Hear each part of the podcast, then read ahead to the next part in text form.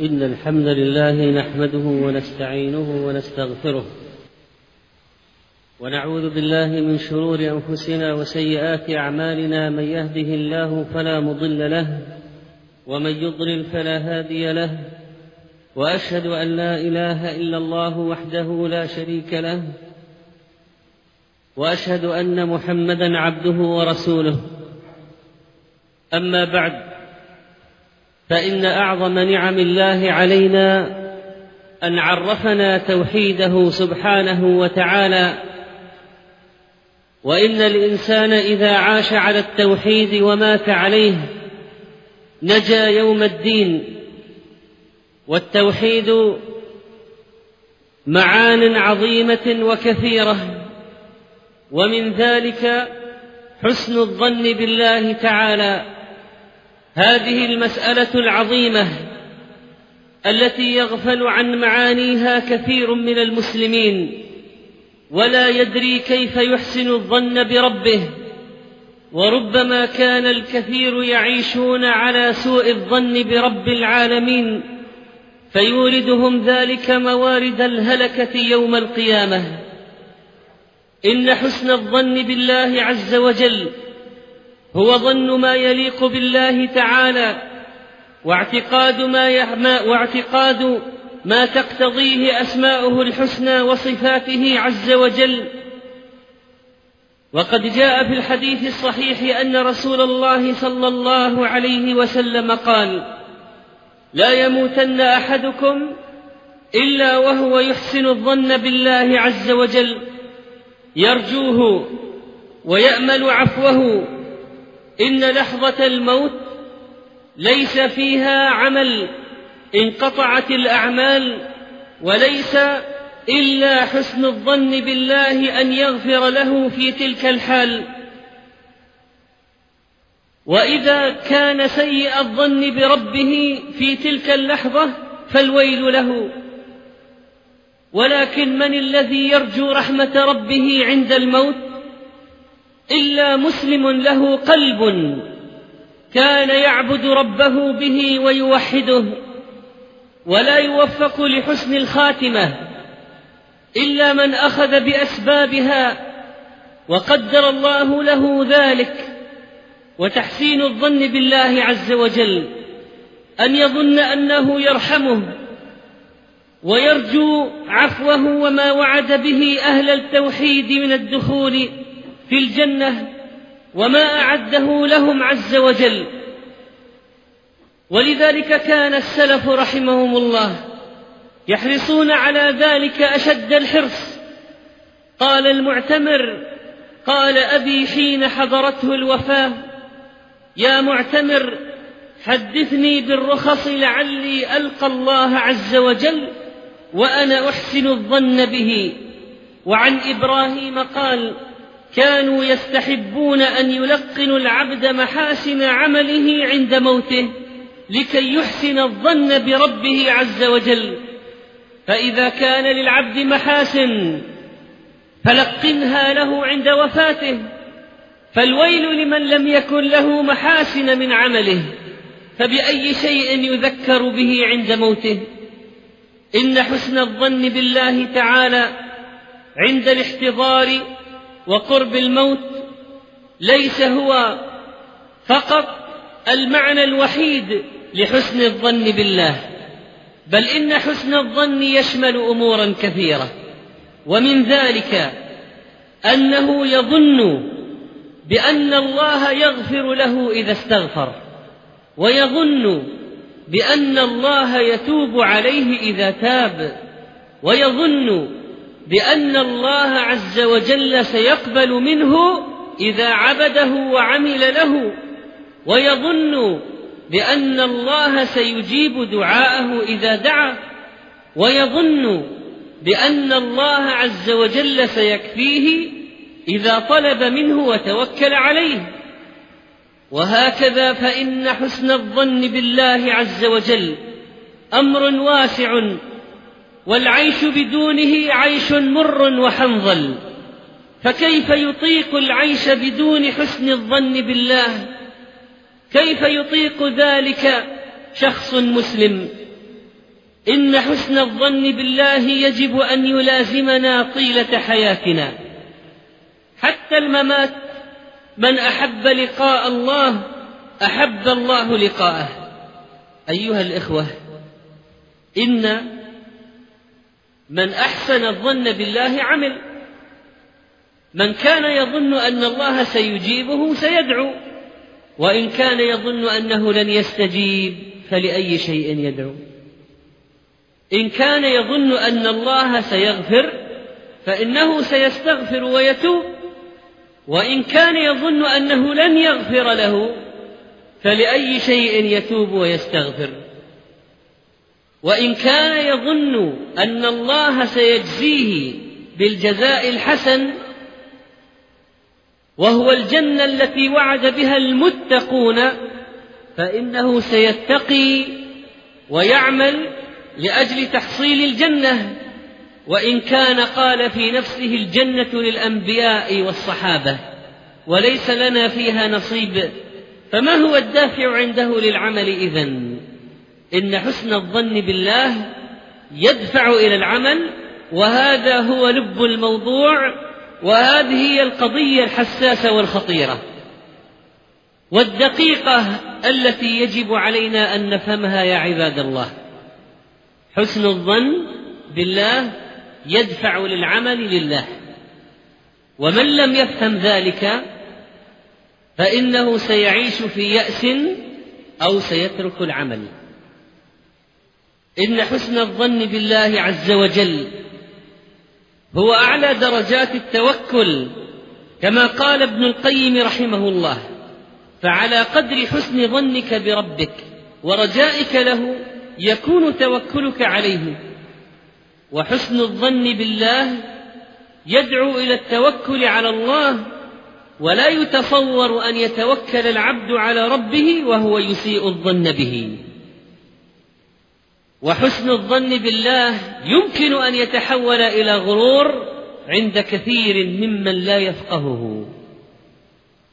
ولذلك ترى العصاة يقولون سيغفر لنا. بل قال اليهود سيغفر لنا. بل قال اليهود نحن أبناء الله وأحباؤه. بل قال اليهود لن يدخل الجنة إلا من كان هودا. لكنهم غرهم الغرور وهو الشيطان. فإن حسن الظن إذا لم يقترن بالعمل فهو خدعة من إبليس. إن حسن الظن إذا لم يقترن بالخوف من الله عز وجل فسيؤدي إلى ترك العمل والغرور. ولذلك فاعلم يا عبد الله أنك إذا خفت من الله مع حسن ظنك به فهذا هو المطلوب. ومن الناس من يعتمد على أن الله سيغفر له فيعصي ما شاء. ويفعل مساخط الرب. لماذا؟ لأنه غفل عن الخوف من ربه. وأكثر الخلق بل كلهم إلا من شاء الله يظنون بالله غير الحق ظن السوء. كما قال ابن القيم رحمه الله بوجه من الوجوه. قال فإن غالب بني آدم يعتقد أنه مبخوس الحق ناقص الحظ وأنه يستحق فوق ما أعطاه الله. ولسان حاله يقول ولو ما قالها بلسان الفم ظلمني ربي ومنعني ما أستحق ونفسه تشهد عليه بذلك ولكن لا يتجاسر على التصريح به بلسانه. ومن فتش نفسه وتغلغل في معرفة دفائنها وطواياها رأى ذلك كامنا فيها كمون النار في الزناد. فاقدح زناد من شئت ينبئك شراره عما في زناده. ولو فتشت من فتشته لرأيت عنده معاتبة للقدر ولوما لما كتب الله. وأنه ينبغي أن يكون كذا وكذا ولكن القدر جعله كذا وكذا وهكذا مستقل ومستكثر. وإذا نجوت من هذه يا عبد الله فأنت على خير عظيم فإن تنج منها تنج من ذي عظيمة وإلا فإني لا إخلاء وإلا فإني لا إخالك ناجية. وأثر حسن الظن بالله على المؤمن في حياته كبير وكثير. فإن الإنسان المسلم إذا أحسن الظن بربه فإنه يعتقد بأن الله سينصر دينه ولن يتخلى عن المجاهدين في سبيله وأنه لن يترك الدعاة بل يوفقهم إذا أرادوا وجهه ومن هنا ينطلق الدعاة للعمل.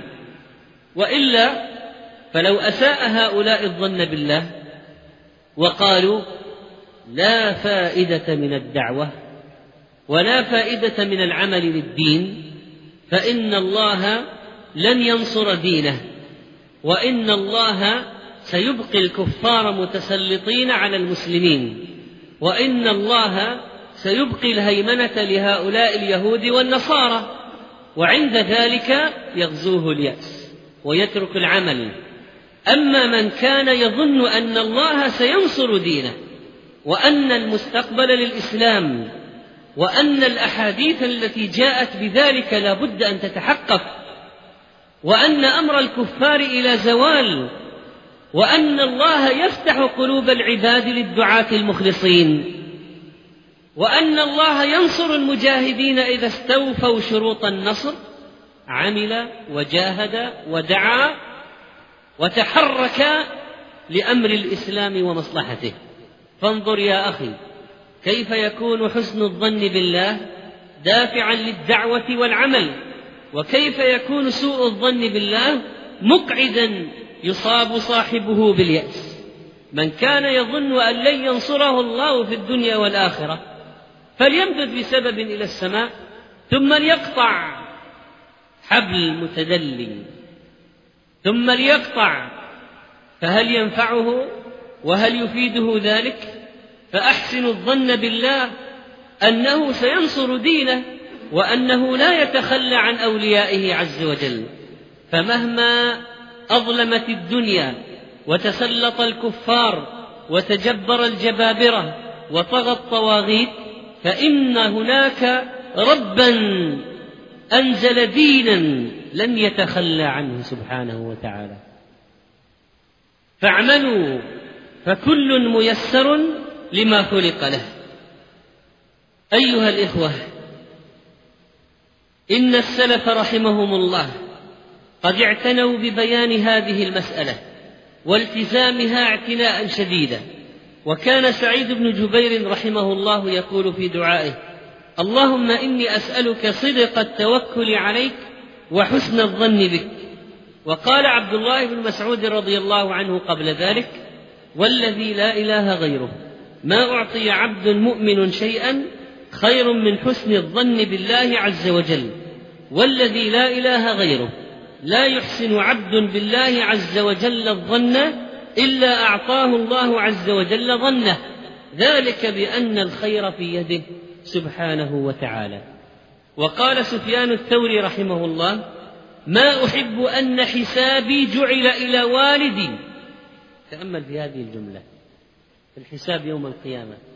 يقول ما أحب أن حسابي جعل إلى والدي فربي خير لي من والدي. ما أحب أن حسابي جعل إلى والدي فربي خير لي من والدي. أيها المسلمون إن حسن الظن بالله من الإحسان وأحسنوا إن الله يحب المحسنين. من ذلك حسن الظن بالله وهو الذي بلغ ببعض الناس مراتب بعد موتهم. قال عمار بن يوسف رأيت حسن بن صالح في منامي فقلت قد كنت متمنيا للقائك فماذا عندك فتخبرنا به؟ فقال أبشر. فلم ار مثل حسن الظن بالله عز وجل شيئا. أيها الإخوة إن الفهم الدقيق لهذه المسألة يجنبنا أحوال المغترين والجهلة بالله عز وجل. قال ابن القيم رحمه الله وكثير من الناس يظن أنه لو فعل ما فعل ثم قال أستغفر الله زال الذنب وراح. وقال لي رجل أنا أفعل ما أفعل أي من الذنوب والمعاصي ثم أقول سبحان الله وبحمده مئة مرة فيغفر ذلك لي كله.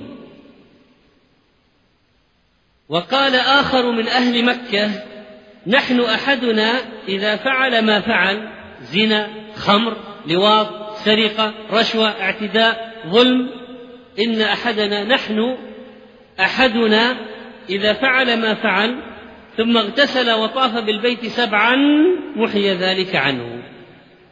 وقال لي آخر أليس قد صح في الحديث أن عبدا أذنب ذنبا؟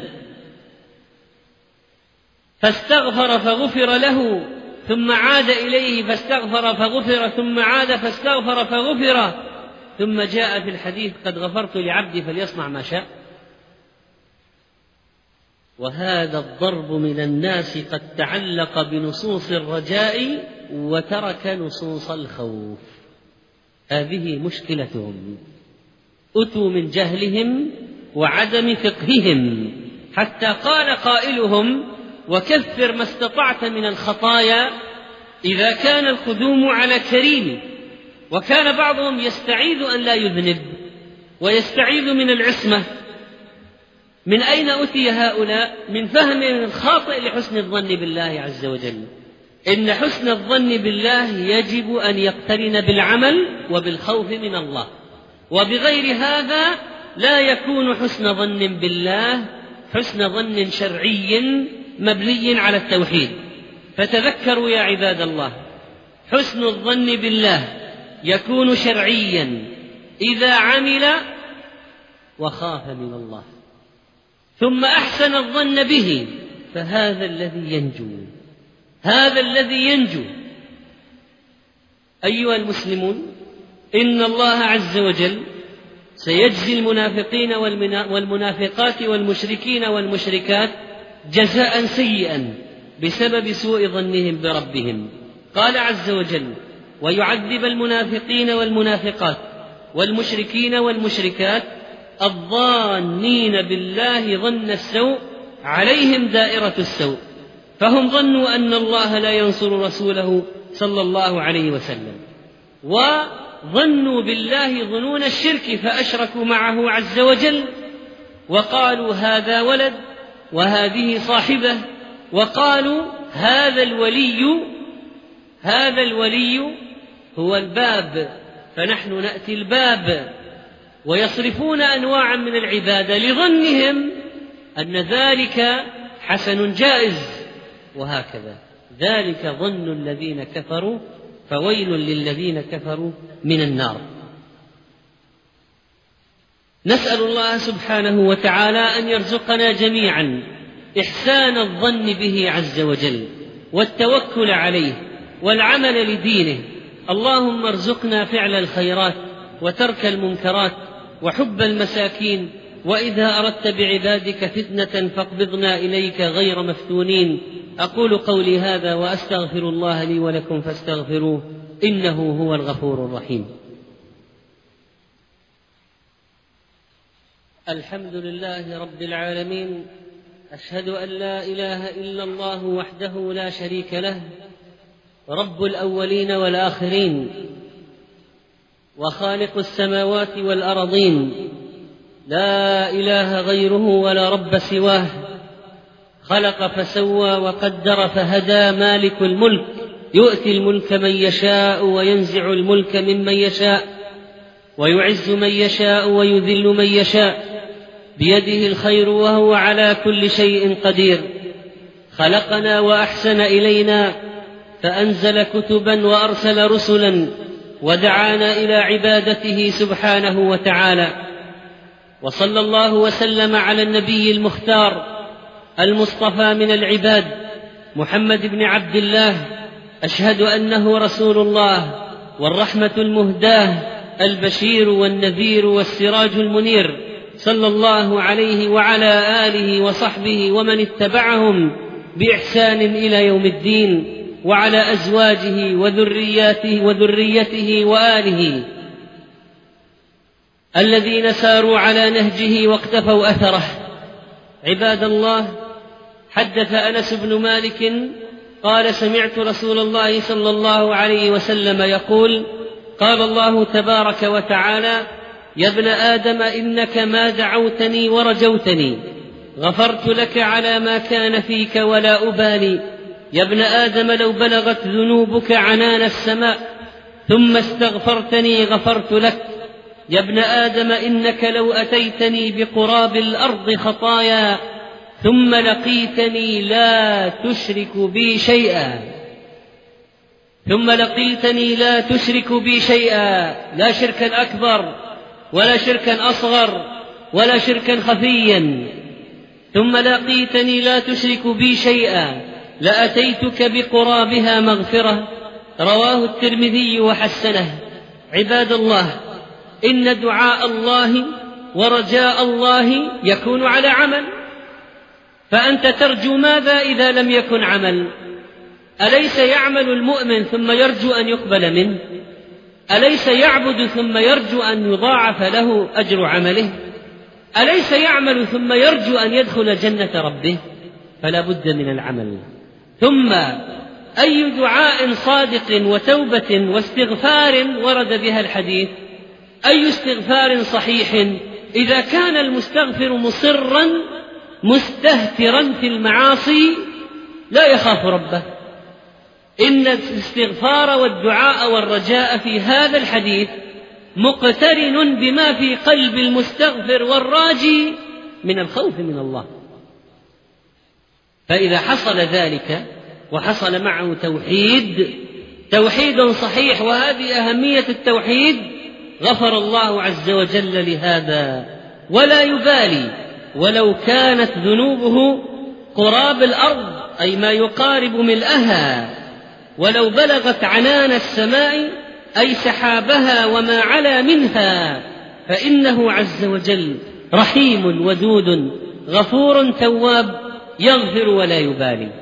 إذا كان العبد مستقيما حسن الظاهر والباطن غفر الله له. منها أن الأعمال ترفع فيه إلى الله. شهر شعبان عليه وسلم عنه بميزات. منها أن الأعمال ترفع فيه إلى الله. شهر شعبان سماه العرب بذلك قيل لتشعبهم في طلب المياه. وقيل لتشعبهم في الغارات. أخبر النبي صلى الله عليه وسلم أنه شهر يغفل الناس فيه. لماذا؟ لأنهم يعظمون قبله شهرا ويعظمون بعده شهرا. فيعظمون قبله رجب وهو من الأشهر الحرم ويعظمون بعده رمضان وهو ما هو في الفضل والمنزلة. فيغفلون عن هذا الشهر الذي في الوسط شعبان. بين رجب ورمضان. وعبادة الله في أوقات الغفلة فيها أجر عظيم. ولذلك كان من كان من السلف يحيي بالصلاة ما بين المغرب والعشاء لأنها أوقات الغفلة. ولذلك كانت العبادة في الهرج أي في الفتنة كهجرة إلى النبي صلى الله عليه وسلم في الأجر. ولذلك كان ذكر الله في الأسواق وهي أماكن الغفلة. في وسط الغافلين فيها أجر خاص. ذكر الله في أماكن الغفلة كالأسواق فيها أجر خاص. وشعبان أخبر النبي عليه الصلاة والسلام أنه شهر يغفل الناس عنه بين رجب ورمضان. وقد وقد ذكر العلماء في سبب الإكثار من صيامه صلى الله عليه وسلم في شعبان أمورا وقد أخبرت أمهات المؤمنين عن كثرة صيامه حتى حتى قالت أم المؤمنين يصوم شعبان إلا قليلا فكان يصوم أكثر الشهر. قال بعضهم إنه كان يقضي فيه النوافل التي فاتته من أيام البيض وغيرها بسبب سفره ومرضه فتجتمع فيقضيها في شعبان لأنه كان إذا عمل عملا أثبته وإذا قام بنافلة داوم عليها ولو فاتته لسبب قضاها. فكان يقضي فوائت نوافل الصيام عبر العام في شعبان. وقال بعضهم إنه كان يكثر الصيام من شعبان لأن نساءه كن يقضين ما عليهن من رمضان الذي قبله في شعبان. فكان يصوم معهن مراعاة لحالهن. وقالت طائفة ثالثة من أهل العلم وقول وهذا القول هو الراجح إن شاء الله إن السبب من الإكثار في صيامه في شعبان صلى الله عليه وسلم هو أنه شهر ترفع الأعمال فيه إلى الله وشهر فاضل وأنه يحب أن يرفع عمله وهو صائم ولا مانع أن تكون الأسباب كلها مجتمعة. إن الصيام في شعبان هو كالنافلة قبل الفريضة كما في الصلاة. فكما أن صلاة الظهر مثلا لها سنة قبلية وسنة بعدية كذلك الصيام في رمضان له سنة قبلية وهو الصيام في شعبان والإكثار منه. وسنة بعدية وهي ستة شوال بعد رمضان والنوافل تجبر نقص الفرائض. فالصيام في شعبان يجبر نقص الفريضة الذي يحصل منا ولا بد في رمضان بما نخرق صومنا من غيبة ونميمة وكذب وظلم وغفلة وعدم إحسان العبادة ونحو ذلك. فنحن إذن بحاجة. وكذلك فإن من صام في شعبان في أوله لا يشمله النهي الذي ورد عن النبي صلى الله عليه وسلم من الصيام في النصف الثاني من شعبان. فلما قال إذا انتصف شعبان فلا تصوموا وأخبر بعدم الصيام قبل رمضان بيوم أو يومين. استثنى العلماء من هذا الذي كان يصوم في النصف الأول من شعبان وله عادة وله عادة كصيام الخميس أو الاثنين والخميس أو ونح أو صيام يوم وإفطار يوم فإنه يكمل على عادته. وكل من كان عليه أيام من رمضان الماضي وجب عليه أن يبادر إليها قبل دخول رمضان الآتي. فحث المريضة الذي شفي والحاملة التي وضعت فأرضعت وزال عذرها على قضاء ما فاتهم من الأيام في هذا الشهر قبل أن يدخل رمضان. اللهم اجعلنا ممن يخافك ويتقيك.